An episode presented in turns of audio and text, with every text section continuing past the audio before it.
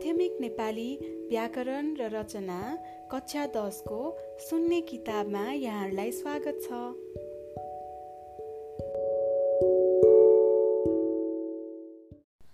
एकाइ सात पान्ना नम्बर दुई सय वाद विवाद लेखन।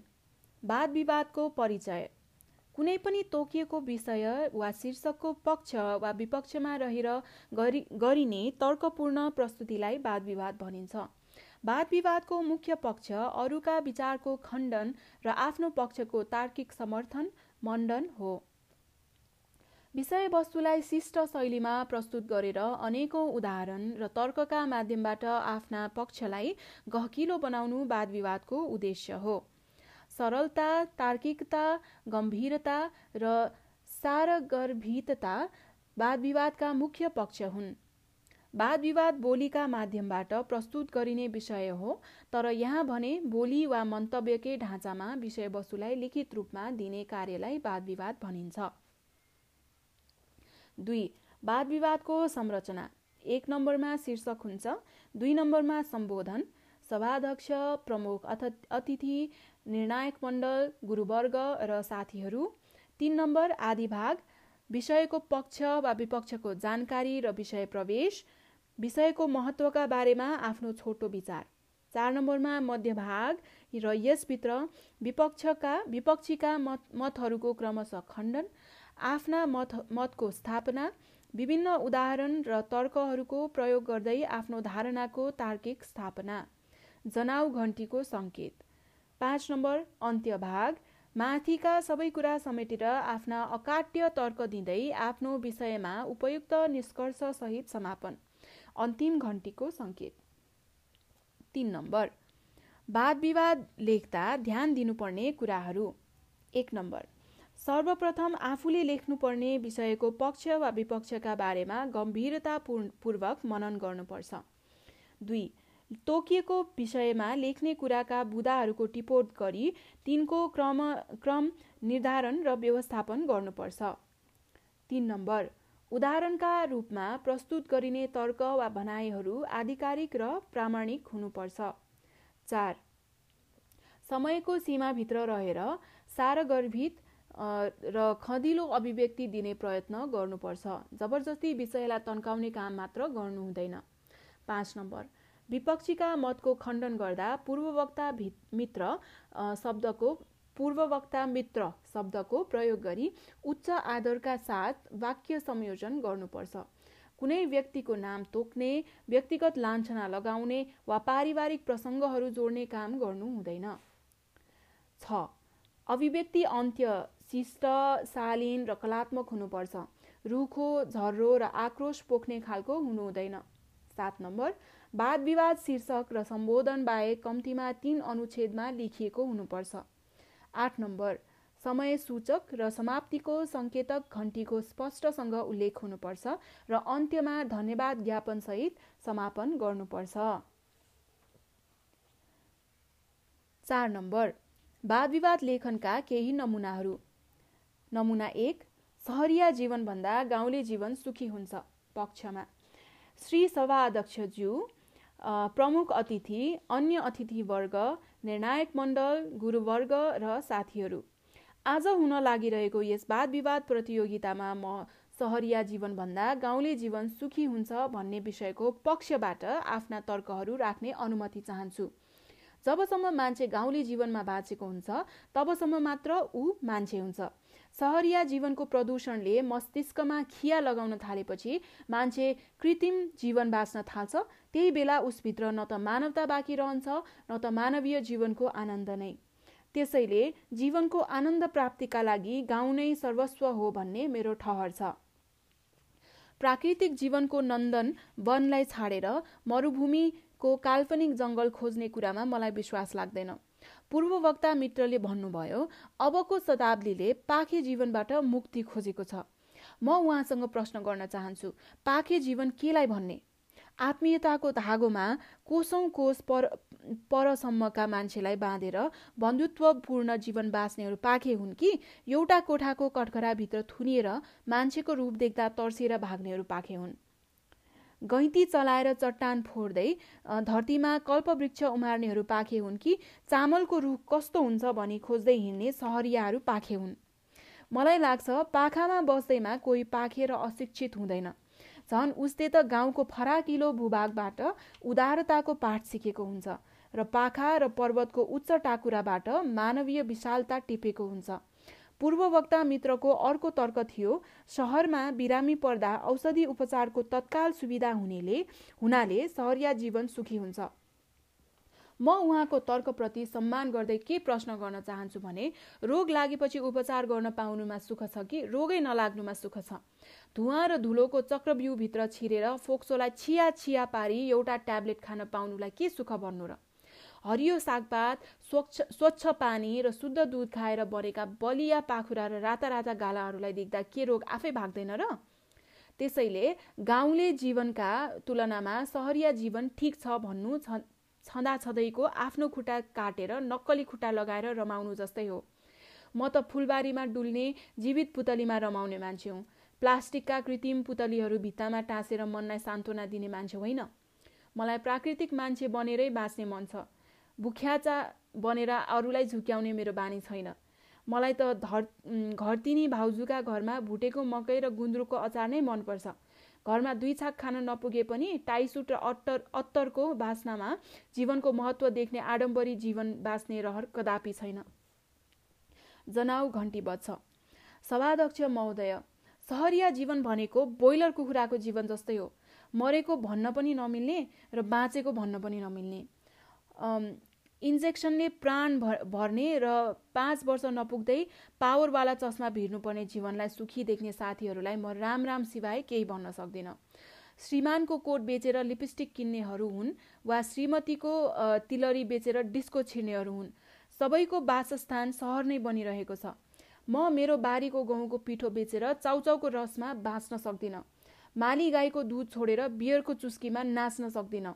ऐसेलुको झाग मुनिको जरुवा पानी छोडेर मिनरल वाटरको बोतल समाउन सक्दिनँ र आमालाई बेचेर धाईको दुधमा रमाउन सक्दिनँ। त्यसैले सहरिया जीवनभन्दा गाउँले जीवन सयौँ गुना सुखी छ भन्न मलाई कुनै हिचकिचाहट छैन भन्दै मेरो भनाइ यही अन्त्य गर्छु। धन्यवाद। अन्तिम घन्टी बज्छ। नमुना दुई। शीर्षक सहरिया जीवनभन्दा गाउँले जीवन सुखी हुन्छ विपक्षमा। श्री सभाध्यक्षज्यू प्रमुख अतिथि अन्य अतिथिवर्ग निर्णायक मण्डल गुरुवर्ग र साथीहरू। आज हुन लागिरहेको यस वाद विवाद प्रतियोगितामा म सहरिया जीवनभन्दा गाउँले जीवन सुखी हुन्छ भन्ने विषयको विपक्षबाट आफ्ना तर्कहरू राख्ने अनुमति चाहन्छु। सहर भनेको सभ्यता हो र सहरिया जीवन भनेको सभ्य समुन्नत र पूर्ण जीवन हो। मान्छेका मस्तिष्कमा भरिएको गोबर चेतनामा जेलिएको माकुराको जालो र टाउकामाथिको आकाशमा ढाकेको स्याउलाले उज्यालोको खोजी गर्न थाल्यो भने त्यति बेला सहरको जन्म हुन्छ। ढुङ्गे युगको मान्छे चन्द्रमासम्म पुगेको यथार्थ सुन्दा मेरा स्याउला प्रेमी साथीहरू छक्क पर्दा हुन्। तर मानव सभ्यताको विकासमा सहरले नै अग्रगामी फड्को मारेको छ। सहरको यात्रा गर्दै अन्तरिक्षमा पुगेका मानवीय शक्तिलाई पुनः भैँसी गोठतिर फर्काउने पक्षमा म छैन। त्यसैले यदि सहर नहुँदो हो त आज पनि मान्छे रुखका बोक्राभित्रै हुन्थ्यो भन्ने मेरो ठहर छ। यो युग कल्पना र भावुकताको होइन। यथार्थ र विज्ञान युग विज्ञानको युग हो। मेरो पूर्ववक्ता साथीले गाउँलाई नन्दन र स्वर्गसँग तुलना गरेको मलाई साह्रै चित्त बुझ्यो। बस गाउँले चेतना भनेकै त्यही हो। जे संसारमा छँदै छैन त्यसैको कल्पनामा मख पर्ने अनि स्वर्ग स्वर्ग भन्दै भनेर आफूलाई दिनदिनै अशिक्षाको नरकतिर धकेल्ने प्रवृत्तिले नेपालीहरूलाई शताब्दीौँ पछाडि पुर्याइरहेको कुराको ज्ञान तपाईँहरूलाई नभएको देख्दा साह्रै दुःख लाग्छ। मान्छेले चन्द्रमामा पाइला राखिसक्दा पनि धरतीबाट माथि हेरेर देउता भन्दै पूजा गर्नु कहाँसम्मको अज्ञानता? अन्धविश्वास र आडम्बर हो। यदि यस्तै कुरालाई प्राथमिकता दिँदै जाने हो भने हामी यस वैज्ञानिक युगको उन्नतिमा कस्तो सहयोग पुर्याउन सक्छौँ? यस्ता खाले अन्धविश्वासबाट उन्मुक्तिको बाटो खोजिरहेको हुनाले मैले सहरिया जीवनलाई उत्तम देखेको हुँ। मेरा पूर्ववक्ता मित्रको तर्क थियो कोसौँ परसम्मका मान्छेहरूलाई आत्मीयताको धागोमा बाँध्ने काम गाउँमा मात्र हुन्छ। मलाई लाग्छ कुवाको भ्यागुतो भनेको यही हो। इमेल इन्टरनेट लगायतका अनेकौँ सूचना प्रविधिका कारण विश्व एउटा घर र विश्वका सारा मानवहरू दाजुभाइ भइसकेका बेलामा पनि रुखको टुप्पामा बसेर पल्लो गाउँको मान्छेलाई बोलाउने र आत्मीयता गाँच्ने कुरा गर्नु कहाँसम्मको मूर्खता हो? मेरा साथीहरू गाउँमा उन्नति हुन सकेन भन्दै दिनदिनै सहर भाँसिँदैछन्। सहरको शिक्षा स्वास्थ्य र जीवन पद्धतिबाट प्रभावित भएर आधा पेट खानु परे पनि यहीँ बस्ने अठोट गर्दैछन् अनि भन्दैछन् गाउँ नै ठिक। यस्तो दैचिउरे कुराले कुराको कसले विश्वास गर्ने? सुँगुरलाई फोहोर नै प्यारो लाग्छ भने चाहिँ विज्ञान र प्रविधिलाई बेकार भन्दै गोबर र कमेरो नै लुट लुटुपुटिन चाहनुहुन्छ भने लुटुपुटिन हुन चाहन् फेरि दोहोऱ्याउँछु। सुँगुरलाई फोहोर नै प्यारो लाग्छ भने चाहिँ विज्ञान र प्रविधिलाई बेकार भन्दै गोबर र कमेरोमा नै लुटपुटिन चाहनुहुन्छ भने मेरो भन्नु केही छैन। मेरा साथीले निकै आलङ्कारिक भाषामा गाउँको बखान गर्नुभयो तर के गर्ने? भावुकताले जीवन चल्दैन। गाउँ अहिले पनि धामी झाँक्रीमा बाँचेको छ। भ्यागुताको बिहे गराएर पानी पार्ने योजनामा छ। हजुरआमालाई बोक्सीको आरोप लगाएर पिट्नमा पुरुषार्थ देख्छ र ज्योतिष हरा हेराएर शुभ साहित खोज्दा खोज्दै जीवनलाई निष्क्रिय बनाइरहेको छ। यस्तो हास्यास्पद जीवन पद्धतिलाई सर्वोच्च ठानेर चेतनाको अपमान गर्नु गर्ने पक्षमा म छैन। जनाउ घन्टी बज्छ। सभाध्यक्ष महोदय गाउँले जीवन भनेको फ्युज गएको ट्युबलाइट हो। हेर्दा सेतो देखिन्छ तर बल्दैन। भित्र अन्धकारले भरिएको छ भने बाहिर कमेरो लगाएर के गर्नु? जुन गाउँमा स्कुलहरू छैनन् अस्पतालहरू छैनन् बाटाघाटाहरू छैनन् यातायात छैनन् समग्रमा मान्छे स्वरूपले मान मात्र मान्छे जस्तो छ। हेर्दा ठुलो देखिए पनि भकुण्डोको हावाले भरिएको हुन्छ। भकुण्डो हावाले भरिएको हुन्छ। चेतनाविहीन गाउँ गाउँ त्यही भकुण्डो हो र मेरा साथीहरूको गाउँप्रतिको उफ्राइ त्यही भकुण्डे उफ्राइ मात्र हो। अन्त्यमा म यथार्थलाई लात हानेर भावुकतामा बग्न चाहन्न र उन्नतिको प्रतिबिम्बलाई प्रतिबिम्बमा कालो पोतेर सुन्दर चित्र बन्यो भन्दै रमाउन चाहन्न।